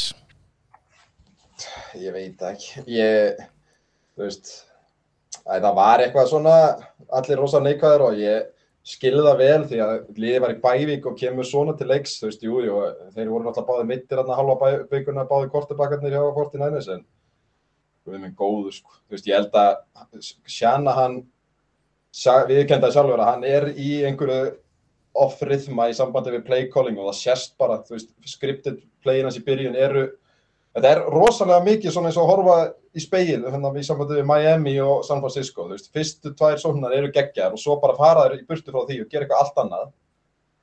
Og, og hérna, ég veit ekki, þú veist, tveir bestu sóknarmenninir í liðinu eru meittir, þú veist, Kittul og Trent Williams. Og þessi leikum var alltaf ógeðslega rigning en það er ekki afsökun því að Colts voru því líka og skoruði 30 stig sko. Uh -huh. og það er einhver, það eru einhverju svaka lægð og bara það er að koma svolítið í hausinu að maður vera að drafta illa og, og dýftin er valla til staðar og veist, ég held að Kyle Shannon sé ekki einu svona byrjar að finna fyrir hita á raskatinu í sínu sæti sko þannig að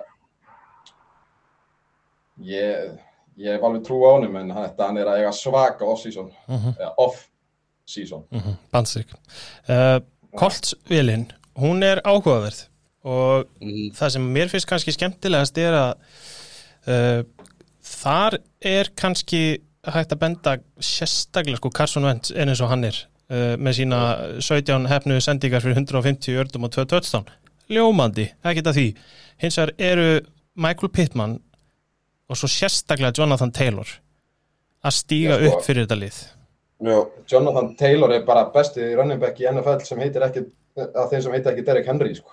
þess, um, þess að síðasta mánuðin sko. Hann er svakaljúr svona vera geggjaður sko. Ég sé svo eftir honum, Miami átti sér svo að ná honum tímbilið, sko. þú verður, nú, nú verður við bara að hætta hérna hætta að reyfja upp uh, einhver svona draftbistug byggjum minn, það er bara, þú veist Ég veit að ég er bara lítið, ég er bara lítið mús. ég veit Ég að, er í sóki og, og bara hérna, sanna konu minnar og...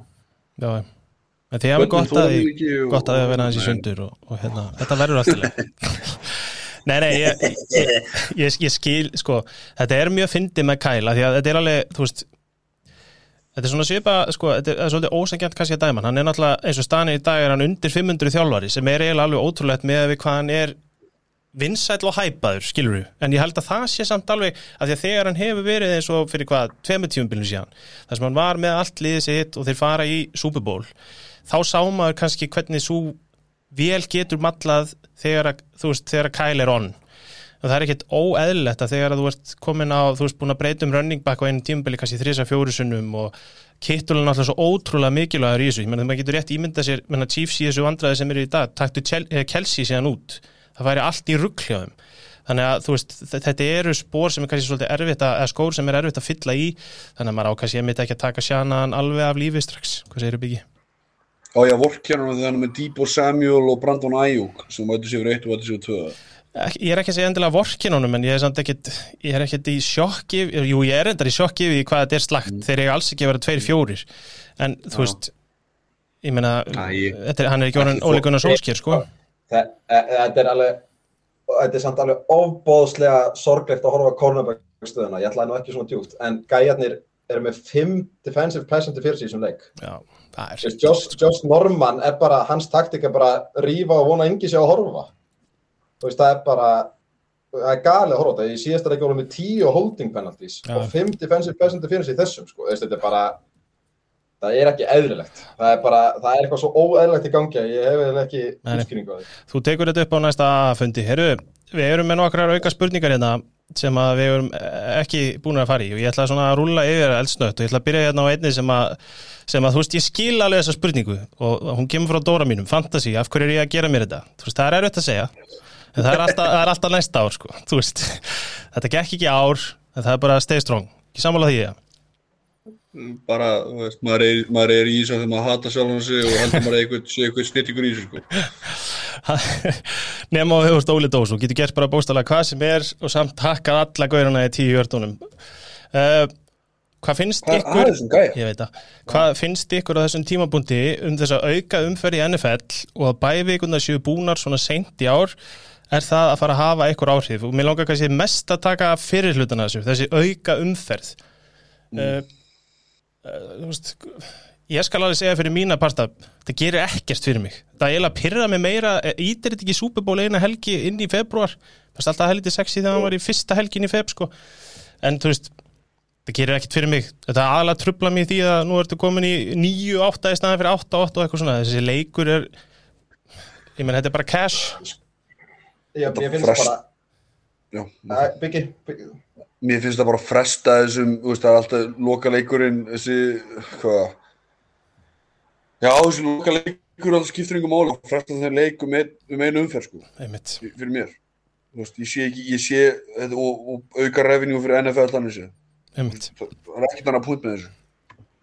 Matti, sko, það sem að hræði mig mest í þessu og það sem hrætti alla leikmenn og leikmannasamtökin eru meðslin og við erum að sko sjá bara núna vika sjö að klárast og það bara meðslalistarnir bara út um alla deildin eru bara hrannast upp. Og með þessu gætu við bara farið með allt og mörg hérna brotætt lið inn í play-offs sem ætti ekki að vera raunin sko, þú veist það þyrfti að vera auka bævík ef þú ætlar að gera þetta svona því að eins og staðni núna þá er bara helmingurinn að dildinni bara ónýtur Mhm.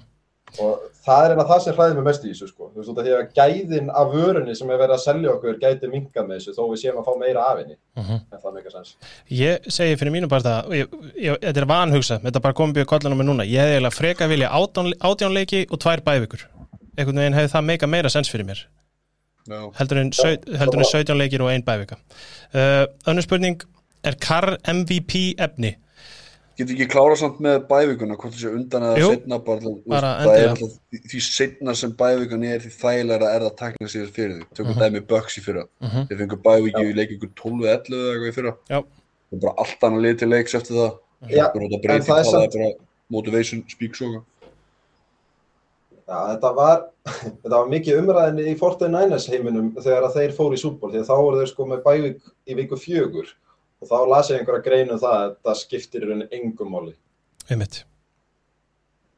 Það sem að mér finnst eiginlega magnað sko, veist, en þú getur farið aftur í tíman og einhvern veginn, þetta hefur engin sérstök áhrif á lið, hvort það sé snemma eða sent. elskar sko, Matti komið svo djúft að hann er farin að Google skólara NFL greinar. Pældi í maður. Herri, uh, too soon til að fara að tala um MVP, en ég held að þetta sé að fáum nöfnum það sem ég finnst það pínu sangjant. Uh, er Derek Carr MVP efni? Ég skal byrja bara. Uh. Nei En það er einfaldlega vegna þess að Kyle Murray til dæmis er gjössanlega trilltur sko. Tom Brady er trilltur þú veist, hann er bara þetta er rosalegt þarna á toppnum og þetta er alltaf að fara að vera kortibakka eins og deildin er að spilast akkurat núna veist, hann er alveg MVP efni en hann þarf þá að gera þetta og meira til þess að eiga, þú veist, held ég séns í að verða MVP á þessu tímabili Já, ofan á það sko að aðrir Dali slagi á sko. Já. Mm Ég ætla einmitt að segja að er- Derek Carr er alveg góður en það er bara alltaf ykkur annar sem er betri. Mhm. Sorry. og það er líka bara allt í líka að að tala um sorry, hérna, Drew Brees náttúrulega var aldrei þú veist, MVP, út af því að það var alltaf einhver betri veist, þetta gæti orðið eitthvað svona, ekki það að Derek Carr sé Drew Brees en bara svona þannig dæmi. Nei, einmitt. Og svo er líka bara allt í lagi að vera að spila drullu vel. Það er bara stundum, er það bara alveg nóg, sko. Það þarf ekki endilega að fylgja með í stitta, sko.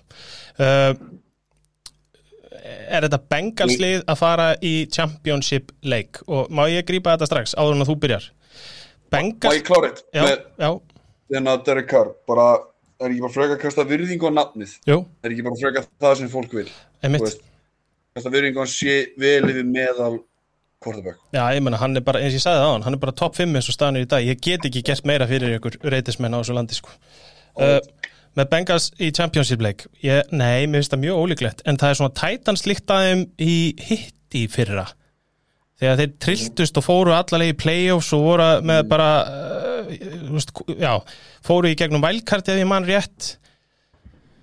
Og töpuðu svo móti Patriots ef ég, man, ég er að draga þetta út úr raskatin á mér. En, en veist, það er svolítið það sem ég, þeir gætu alveg farið í playoffs unnið uh, wildcard eða bara hérna leikin þar á eftir sem bara stólu úr mig hvað hann heitir. En ég efast um að um að uh, þeim verði leift að fara allalegið í championship leikin það væri skrítið sko Þetta er samt, þetta er samt lið sem að finnst langar að sjá fara í, skilur, gegnum þannig að í fyrsta playoff-leikin. Það væri gaman að sjá þá mæta liða sem að er svona, þú veist, út one and done, skilur. Já. Það er, svona, það er eina, það er svona helsta sem ég tek út úr þessu. Hefur einhverja skoðun á þessu Mattias minn?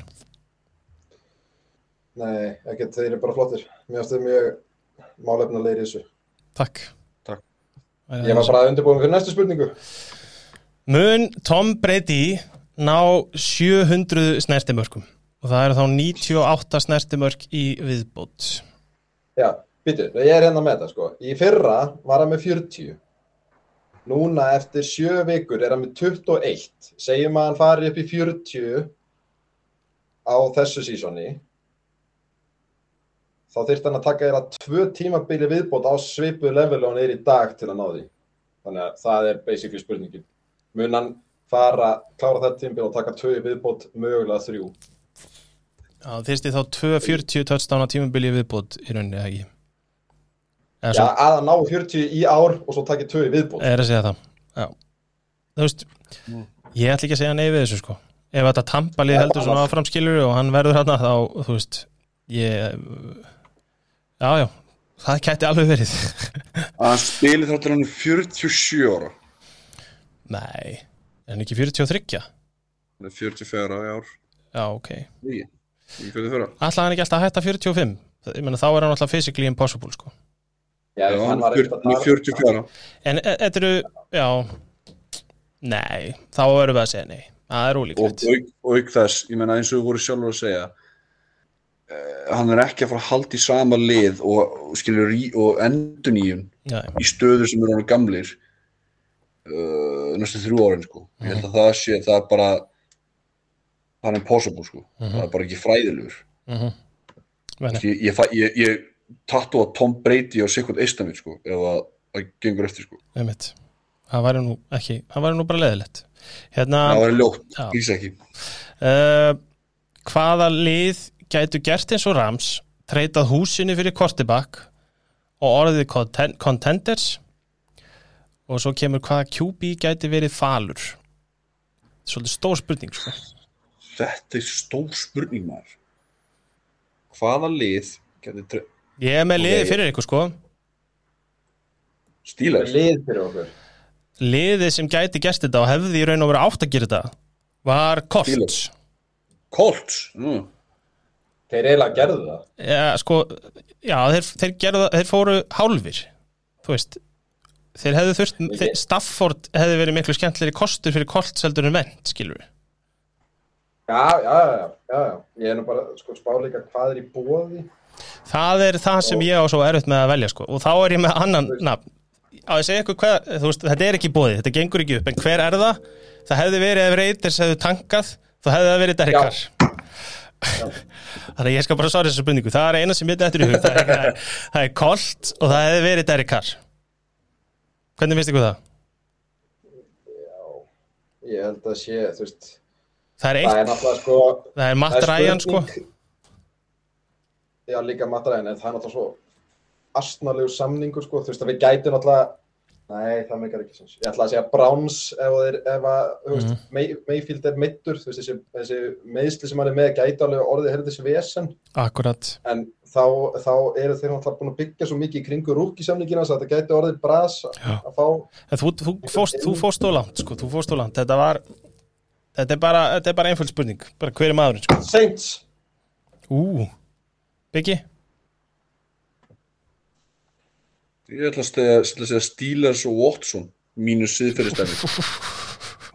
er, er Watson með í þessu Anskotin Það er Þú náttúrulega veitur hvað, er allir Watson ekki með í þessu? Nei, mér bara, þú veist, ég hugsaði ekki um hann út af því að hann er þú hann, Hann er nöðgari sko, en þú veist Ég sagði siðferðistæmi. ve- ég veit að, ég veit að, ég veit að Þess vegna var ég ekki með hann inni Ég meina þá getur þú tekið sko 49ers Watson, þú getur tekið. Bears Watson Þú getur tekið, þú veist, Nei. alla Watson sko Nei, nei, þú verður alltaf að taka lið sem er raunverulega í þessum pælingum. Fortin aðeins verður aldrei þessum pælingum með Trey Lance. Nei, því miður Nei, því miður Það sem er þeir eru ekki Fortin með húsið til Steelers. að selja. uh, Eru þið með þetta bara á reyðum höndum Hver er ykkar uppáhalds NFL analyst, Matti? Ég hef alltaf verið hérna Brian Baldinger Já, sem er á Twitter og NFL Network. Hann er með svolítið skemmtilegt take á tape watching. Biggi Warren Sharp. Hann er þetta mjög skemmtilegur Fyrir okkur betthausana Mæli með hérna Ringer uh, Gambling Gott stöf sko Warren Sharp líka vélbjörnsukjæftur. 100% Ég ætla bara að gefa sjátt á Vess, minn mann í, Around í NFL. Ég er ekki eiginlega búin að ná mér í nýjan eftir það. Hann var minn allra uppáhalds analyst, þannig að hann er ennþá á topnum hjá mér. Verður aldrei tekið það niður. Uh, Já, já, ok. hvað ég veist, í, í svona podcast-heimina, það eru Robert Mays, Já. Hann er frábær líka. Já. Hann er mjög góð líka. Hann kemur stuttu eftir Sharp. Robert Mays 100% eigum við ekki bara að láta þetta við eigum nokkra spurningar inn í þetta sem að þurfa smá vinnu og ég ætla bara að láta það liggja á milli hluta held ég erum við ekki bara góðir að Ég hrifna því, sko. Þetta er, þetta er svona líka, en það er sko virðing, þetta eru góða spurningar, sko. Ég sé að þannig, þetta eru góða spurningar, mér langar aðeins að setja stigar aðeins og koma með mjög greina góða pælingar, sko. Við tökum þær bara helst í næstu viku ég, hérna, það eru nokkra mjög skemmtlegar hérna, og ég bara þannig að við höldum fólki heitu það stendur hérna power rank og top 5 lið deildarinnar ég er búin að gera lista. Yes. hann, hann er tilbúinn og við tökum hann setna ef ekki bara á meðan við, við, erum á góðum tíma hérna ef ekki bara vipp okkur yfir í yfir í spána fyrir viku átta. Uh, Valur er búin að spá.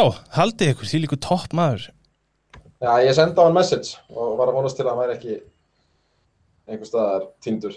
Ok, ok, ok uh, Sko Biggi, nú ert þú miklu betri í þessu en ég Ég er að eiginlega að hugsa um að vippa þessu yfir á þig að þú stýri þessar umræði því ég gleymi alltaf að segja hver er með hvað og allt þetta dót sko Þannig að ertu til í það eða? Já, ég ætlum að geta ekki það, maður er svolítið sjóðar í þessu.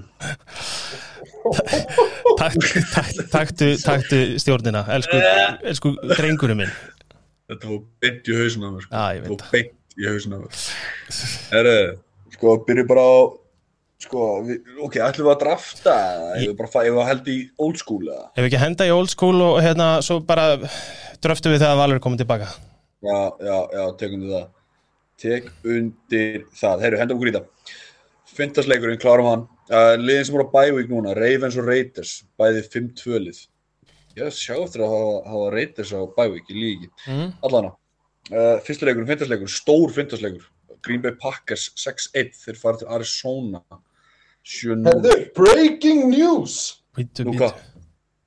The Eagles are trading Joe Flacco to the Jets. Aftur fyrir hann Hann er farin heim Jesus Christ Fuck man, ég held að við tók auka kipp maður Ég held bara að það var að treyta verið Watson eða eitthvað Jésús maður Það er ekki öll litlis hann eins maður. Breaking news Allavega uh, Ég var hóstaði smá. Er ég með kóða þetta? mm, Gæti verið. Hérna, eins og að segja Fintasleikurinn Cardinals, Packers. Uh, Ég segi Cards, Kalli segir Packers Valur segir Cardinals út af Adams og Matti segir Cardinals það lítur þess að allt út fyrir það að Davante Adams verður ekki með uh, það er ekki spredd á þessu Nei, það var mínus 4,5 það ekki jú Jú, Í, þetta í hinum með, pollin er þetta komið upp í sko mínus 6. Já. Sick, á Cardinals sem sagt. Já. Ok, over-under er 52,5. Ég held ég tæki það. Ég held ég færi over á hann leik. Ándjóks Ég er mjög að því. Sjokker. Wow, sjokkar. Ég fer ekki under, þetta veistu.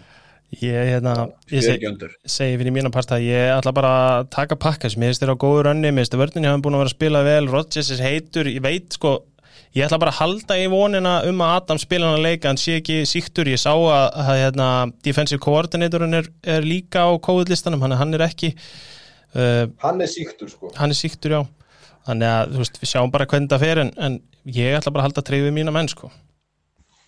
Ég segi Cardinals að því að með einhvern rönnið það með núna og Sack Örts komin inn í mixið þannig auðvitað bara strax komin inn eftir að skoraði touchdown á móti, ég veit að móti Texans, ég ger maður grein fyrir því Mhm. en ég meina geggjaði leikur fyrir andra að komast inn í mixið. Algjörlega.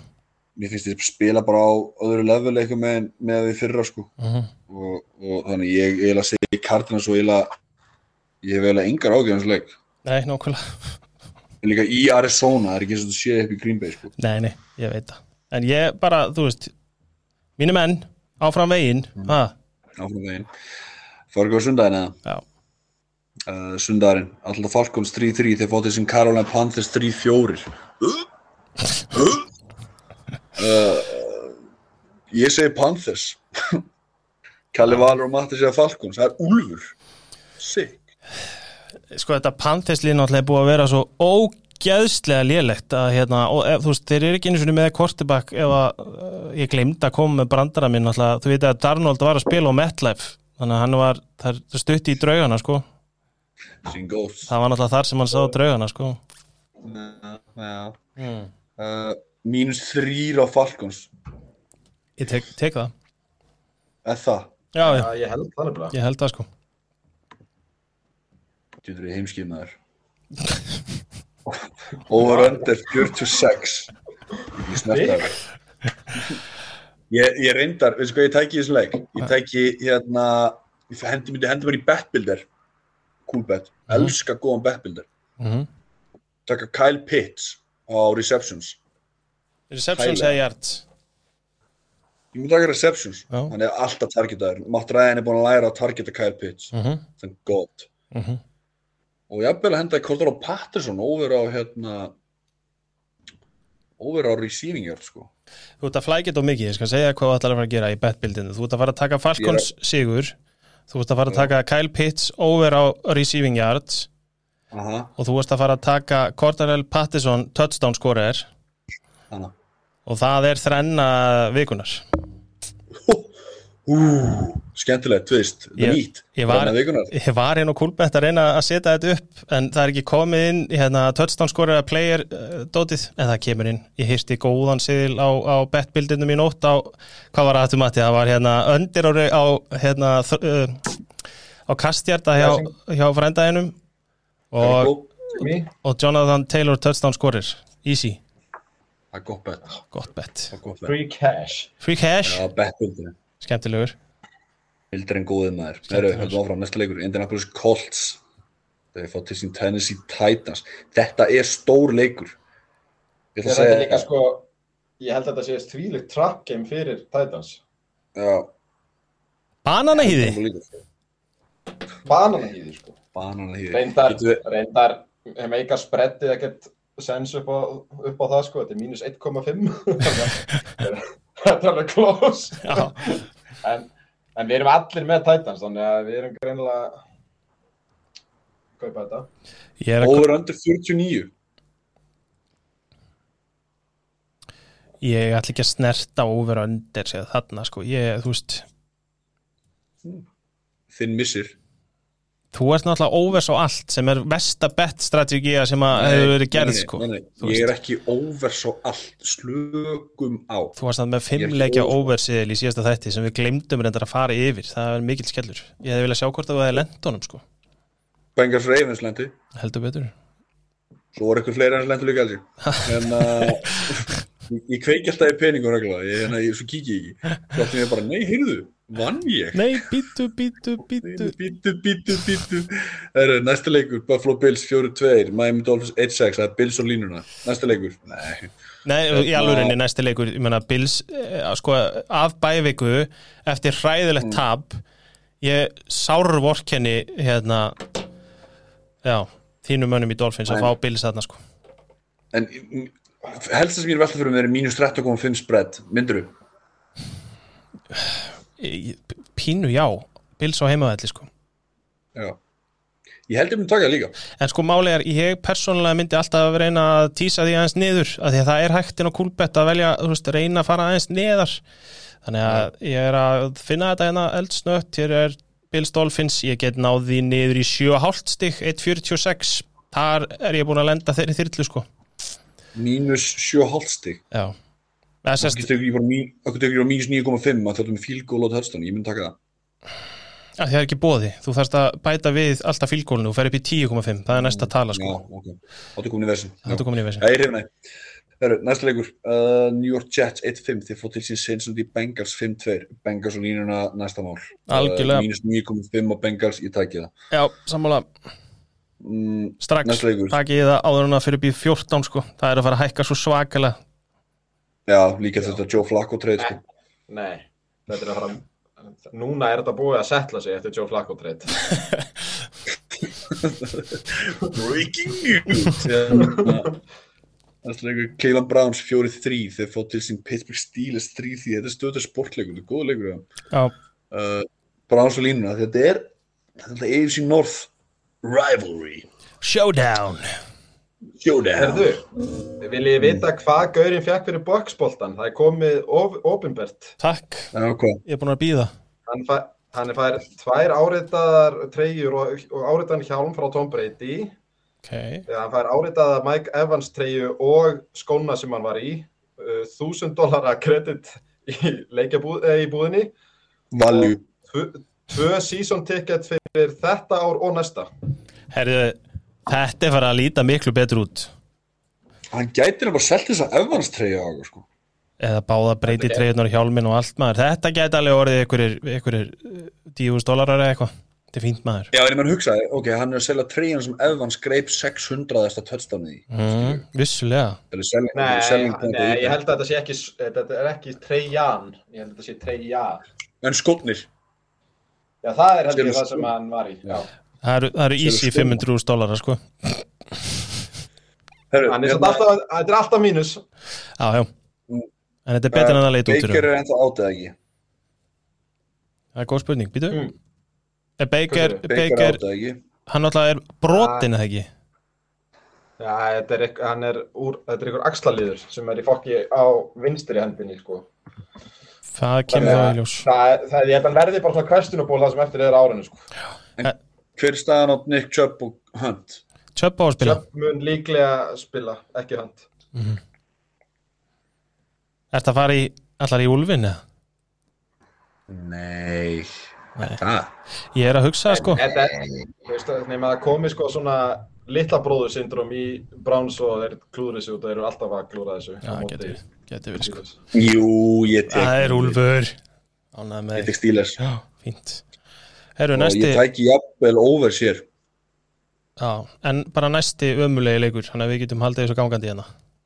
Detroit Lions 07, Eagles 25, uh, ég segi Lions, Kalli segi Lions, Valur með Úlf og Eagles og Matti segi Lions. Þetta verður þá eitthvað comeback vittlisa í fjórðaleikluta hjá Eagle sko Því að þeir geta ekki neitt sko. Sorry Ég hef alveg pullandi trú á Lions í leik. Mér finnst þið ógæst, mér finnst þið gaman að horfa á Lions leiki. Ég held Ú, þetta lið fari ekki hérna sigur laust í gegnum þetta tímbil og þarna er, er leikur fyrir þá til að stela sko á, heim, á heimaðalli Þetta er akkurat það sem ég var, sem ég var að hugsa líka. Þeir eru aldrei að fara 0-17. Mig langar líka að vera vittni að því þegar að Dan Campbell vinnur fyrsta leikið. Sko. Það verða tár Brós og takaskór sko hmm. Að fá í Gatorade styrtu það? Ég. Ég verður fyrir ríkalegu vonbröðum en það fær ekki Er þetta að betta á litin? Nei, tjók Herruðu Hvað er næst? Allar að taka overs eða? Nei, tjók ég vil ekki snerta en uh, Chicago Bears 3-4 þið fótið sem 49ers 2-4 wow, boring. Já, ríkalegu leikur maður, shit. 49ers og línuna. Já. ég tæki mínusinu 49ers mínus 3.5, ég tæki það. I like it Ekki, ég ætla ekki að snerta hana leik Maður á aldrei að betta á tvö léleg lið að mætast Bara því miður sko. Ooh, spicy Spicy sko uh, Houston Texans 1-6 þeir fótið sín Rams 6-1 Rams línuna Stigin. mínus 14.5 Stíin, ég vil ekki sjá það. kontu með stíin Kontu með stíin Bara sko Davis Mills, Aaron Donald showdownið er að fara að vera sko Herri, Tyrod getur spilað hann leik, held ég. Hæ? já, já Tyrod er að byrja að æfa núna í vikunni og það, hann gæti spilað hann leik. Það það er ekki T-Rod kemur hérna Four hours ago, Tyrod Taylor set to start for Texans. Það breytir þessu byggi ég sammálaðir þá, þá fyrir við ekki stíin Nei, snert ekki stíin Nei. Hvernig er seinni glugin? Sendiklökin, það er skemmtilegt. Los Angeles Chargers 4-2 New England Patriots 3-4 Það er Hunter Henry Revenge Game. Ú, Ói. Chargers Chargers og línuna. Það er bara spurning hvort hann snýr á sér vinstri eða hægri öklan sko, þú veist. Tæki við Tæki við stíin hér Chargers, mínus Já, 5.5 Mínus, mínus hvað? Mínus 5.5, ég er hrifin að þið Chargers að koma bæði viku á heimavelli. Já, hann sko, Bill Belichick elskar að hlaupa það, og, og Williams er góður sko. Ég, þessi Chargers hlaupaverðin er ótrúlega léleg sko. Já, það er enda rétt. þannig að Þetta gætir líka orðið svona lúmskasta shootout mm, Já, Og þa- þarna er ég að horfa á overs. sammála. Að segja óvers 48 og hálft. Já, já, Ertu að tísa 25, 24 Óvers Við býttu bara þannig að ég posta óversælinu mínum.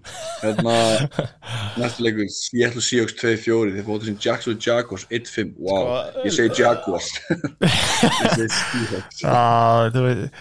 Ég ætla, hérna, kúrbetsbreytt er ekki komið. Mér langar samt að kíkja til eh, útlanda og sjá hvað þetta er. Ég er ekki búin að segja þetta nóg ofta á þessu tíumbili en takið þetta út af redsornu mínu í guðana bænum maður.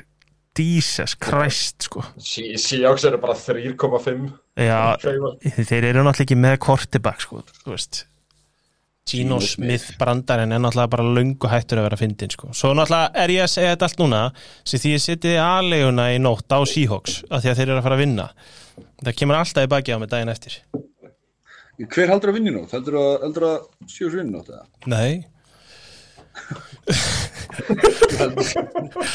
Talandi bettbildir ég er sko með Saint Kamara skora touchdown og þú veist vil, og hérna hvað heitir jólasveitin hana 30-30 oh, Watson, nei, Winston. Winston Winston. Winston uh, að kasta fyrir einu touchdown eða meira sko bettbildir kvöldsins takk Takk uh, Tek Næsta leikur, setni glukkin áfram. Uh, New Orleans Saints 3-2 Þeir fótið sér Tampa Bay Buccaneers 6-1 Þetta er stöðu sportleikur. Og línuna, ég líka að láta eins og þetta sé eitthvað leikurinn sko. Þarna er ég að horfa á hérna uh, To throw an interception James Winston. Talandi um veðmál sem heldur áfram að gefa maður. Wow Já, ég, ég myndi taka það sko, ég myndi taka það. Já, já, já, já. Hérna uh, Næsti leikur, Denver Broncos 3-4 og Ósta fútboltím 2-5 Við segjum allir fútboltím nema Matti, hann segir Broncos. Mm. War for Theodore Broncos? Góður uh, Úlfur, finnst mér. Já, Já, ég, þú veist, þeir eru á heimavelli og mér finnst vörnin er það bara svona allt í lægi, þú veist, þetta var náttúrulega skelverið 15 leikur hjá þeim, en Mhm. ég hef einhvern veginn meiri trú á því að þeir séu svona meira, ég ætla ekki að segja, meira complete heldur en Washington og ég held að þeir, eftir að vinna þetta á einhverju fílgóli eða einhverju, sko, þetta verður ekkert örugt og ég minnst eða skrítið að ég sé með uh, Úlf á þessu, Það finnst mér líka. Sunday night. Já, ok, já, Söndarætt, já, ég ætla ekki betur en við það Hérna minnst að Vikings 3-3 Þeir fá til sín Dallas Cowboys 5-1 Cowboys línuna. Mhm. Erum við ekki Líka það? Keswick. erum við ekki- geggjað over-under á Sunday night, 54,5. Já, Hátt maður. Verðskuldað. Hátt maður. Það er skuldað sko. Uh, má ég, Mínus þú veist, má ég, ég ofnota nýjasta frasa minn talandum, er þetta ekki talandum banana í því? Vikings þurfa að sigur sko. Já, og það sem ég sé sko koma að Bævík og fá Cowboys á Sunday night. En svo náttúrulega kemur það sem að þú elskar meir en allt byggi minn, það er Kirk Cousins under the lights sko. Þannig að Já, ég gleymum því, þetta er ekki banna hið Dallas Cowboys áfram veginn. Það er til stað sem segir að hann mun ekki vinna þennan leik. Ótrúlega satt. Það er ekki að ríða upp eða. Hérna, næsti leikur. Eðlilega setning, Kansas City Chiefs 3-4 uh, Giants 2-5 Þú veist, ok Ok, þú veist, við segjum allir Chiefs uh, alveg bara mannamál, ekki drugl en þú veist, hvenær kemur svo tíma að við förum að segja liðið sem við erum að mæta á? þegar það er ekki Giants þegar það er ekki Giants Mhm. Já, Já, Giants er ekki liðið til að beinast af þessari braut. Nei, því miður sko skora á mig það uh, Já, Þú, þú, ert, þú ert sko lang legstur á okkur, þannig að þetta er alveg típiskt pikkur þig.